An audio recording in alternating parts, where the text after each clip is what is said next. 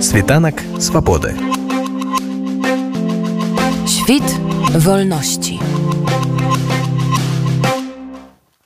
Беларусы якія жывуць ва ўкраіне амаль у адзін голас кажуць што за больш як паўтара года паўнамасштабнай вайны з рассіяй якая пачалася у тым ліку з тэрыторыі беларусі не сутыкаліся нажыва з хейтам на свой адрас ад звычайных украінцаў. Але вось у інтэрнэце часам узнікаюць сапраўдныя цкаванні ўсіх без разбору уладальнікаў беларускага пашпарту. Ці ёсць гэта пашыранай думкай ва ўкраінскім грамадстве? Украінская журналістка якая даследавала тэму хе хейту беларусаў ва ўкраіне Наталля пазняк хаменко сцвярджае што гэтыя хвалі хейту запускаюцца з-за ўсходняй мяжы і ўкраіны і беларусі і маюць на мэце пасварыць украінцаў з найбліжэйшымі суседзямі сваімі высновамі спадарэння Наталля падзялілася з нашым радыё Апошнім часам вельмі часта у інтэрнэт-прасторы в асноўным можна пачуць з боку нібыта украінцаў хейт нейкія такія варожыя выказванні у той жа час многія беларусы якія жывуць ва ўкраіне кажуць што у вочы ніхто такога ніколі не кажа і не сутыкаліся з такім наўпроставым хейтам ад скажем так жывых украінцаў. Вы наколькі я ведаю даследавалі гэтую тэму трошки вывучалі. Што вы можете сказаць адкуль бярэцца гэты вось хейт в адносінах да тых беларусаў якія ва ўкраіне якія дапамагаюць ад украінцаў? Ну з одного боку зрозуміти природу цього хейту можна, тому що е, коли у нас почалася війна, і коли особливо минулого року почалися регулярні обстріли з боку Білорусі, то це якраз е, спричинило в першу чергу, і саме те, що на Київ війська зайшли з Білорусі, що Лукашенко на той час повністю підтримав е, дії Путіна, і він ну він став його пособником. Він він е, повністю надав свою територію для військових дій. Тому от оце ставлення до назви Білорусь, воно якось е, автоматично відобразилося і на самих білорусах. Але разом з тим хочу сказати, що от війна почалася у нас 24 е, лютого, це повномасштабне вторгнення. Але от оця хвиля хейту почалася десь у травні-червні. І вона почалася.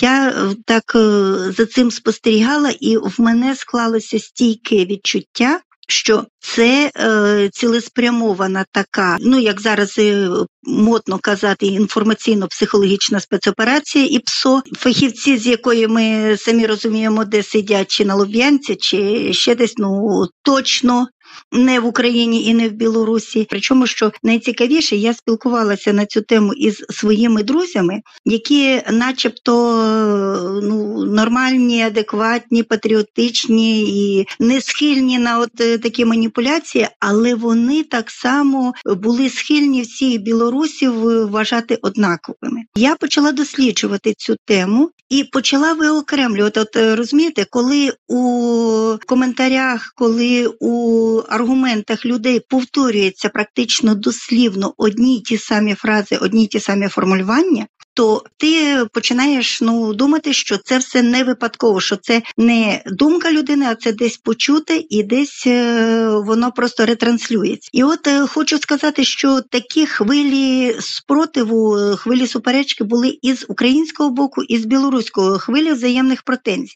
З білоруського боку, наприклад, були претензії на те, що от ви весь час спрацювали із Лукашенком, ви в 19-му році 67% українців підтримували Лукашенка, вважали його ефективним е, президентом. Ви у 2020 році, е, коли в нас почалися такі репресії, ви все одно.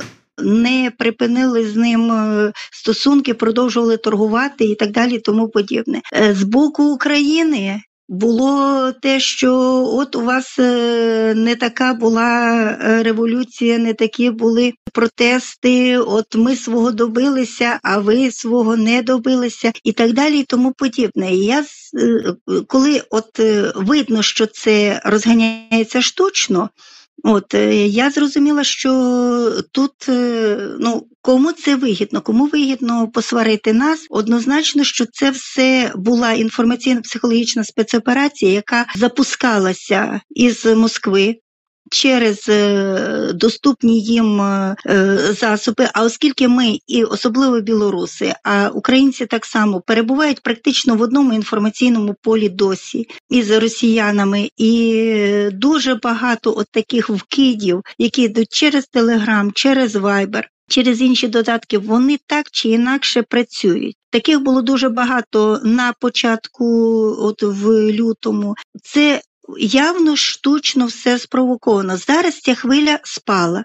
Зараз, е, от коли його немає, такого штучного підживлення в інтернеті, ці суперечки люди спокійно спілкуються, люди знають у нас і про полк Каліновського, знають і про загиблих е, героїв білоруських. В нас іменами білоруських героїв називаються вулиці. Тобто ми шануємо, ми знаємо про Жизневського, який є героєм України. Ми шануємо справжніх е, білорусів, які борються, які воюють за свою незалежність. І е, мені здається, що ну все-таки ми навчилися отак е, трошечки розрізняти білорусів.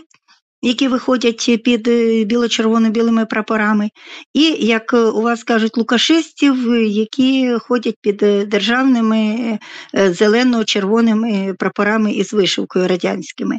Тому ми щиро бажаємо вам, щоб все-таки і ми здолали свого ворога, і ви здолали свого ворога, тому що ворог у нас один. Оце те, що мені здається, розуміють усі. Вось ви згадали такой такі тэрмін інфармацыйна-псіхалагічная спецыяльная аперацыя. На жаль, у беларускім медыяпрасторы гэта яшчэ не так добра даследавана. Украіна сутыкнулася з гэтым непасрэдна падчас варвання рассіі і э, працуюць адмысловыя даследчыкі, якія даследуюць, як гэта працуюць. І можаце вы для беларусаў каротка патлумачыць як запускаюцца гэтыя механізмы як яны працуюць я не знаю наскільки це буде цікаво білорусам тому що от, от буквально остання отака інформаційно-психологічна операція яка дуже чітко спрацювала за останні два тижні всі знають як у нас шанують поета Тараса Шевченка всі знають як у нас люди з якою повагою до нього ставляться. І е, всі знають, що у нас є певна недовіра до влади, і, до речі, це те, що так само росіяни дуже довго е, розкручували цю тему, що влада в нас погана, влада в нас корумпована, у нас всі крадуть, у нас. Е, тобто я не кажу, що в нас цього немає, але це гіперболізується і виводиться в якийсь абсолют. І от недавно прийшла інформація про те, що один наш чиновник відгуляв весілля на мільйон доларів. Всіх це, звичайно, на фоні війни, всіх це шокувало, і от буквально на наступний день вкидаються в інтернет картинки з портретом Шевченка із таким собі віршем, який, ну, начебто в стилі Шевченка, але от е, бідні люди, бідний люд е, своїх синів на війні ховає, а багатий весілля справляє. От це чітко спрямовано на розкол суспільства, на бідних і багатих. І бідні лузери, бідні нещасні, бідні безправні, а багаті завжди от пихаті, вони такі, вони вся влада в їхніх руках і їм нічого не буде. З одного боку, є такі моменти, з іншого боку, от інформаційно-психологічна операція має вивести окремі моменти в абсолют, зробити одиничне, ретранслювати його на всі. І от коли починаєш говорити з людьми, кажеш, що це брехня, Шевченко ніколи такого не писав, що це йому приписують. Мені кажуть, ну і що? Так це ж правда. Це одиничний випадок, який вивів абсолют. Кажу, якби це була правда, то е, ми вже давним-давно склали б руки, і тут давним-давно було вже України не було б і близько. Кажу, але ми стоїмо, ми боремося, ми воюємо.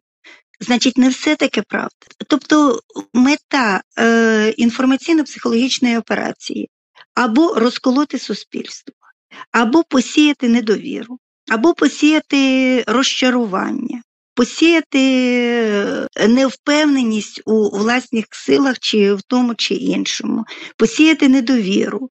От і вони завжди не до розуму апелюють, а до емоцій.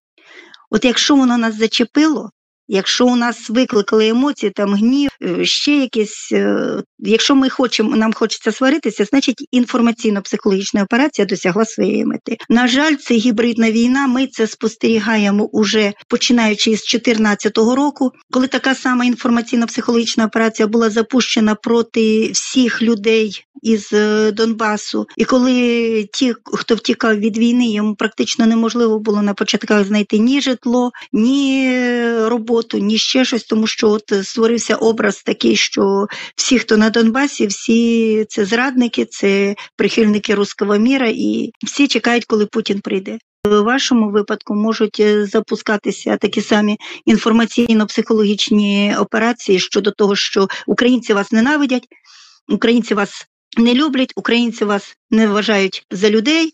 От тільки з росіянами вам буде добре. Мне падаецца що механізм тут такі што ну не ўсе агенты тыя якія пашыраюць гэтыя думкі а агенты працуюць праз нейкіх таких ну якіх называюць карысных ідыётаў Ні, це абсолютно, тому що спочатку воно закидається через якісь ліві сайти, які е, називаються інформаційними помийками. Але ці сайти, вони е, ну, сторінки в Фейсбуці, сайти, якісь, е, які там емоції, а вони такі, а вони сякі, от в них контент десь приблизно такого плану. Але воно закидається. Закидається спочатку от ботами, але я ж кажу, воно зачіпає. Їхня мета зачепити. До цих ботів починають поширювати інші люди. Інші люди вже дивляться не е, звідки воно поширилося, а хто поширив. І якщо я дивлюся, що це прізвище людини, яку я знаю, і ці думки якось співзвучні.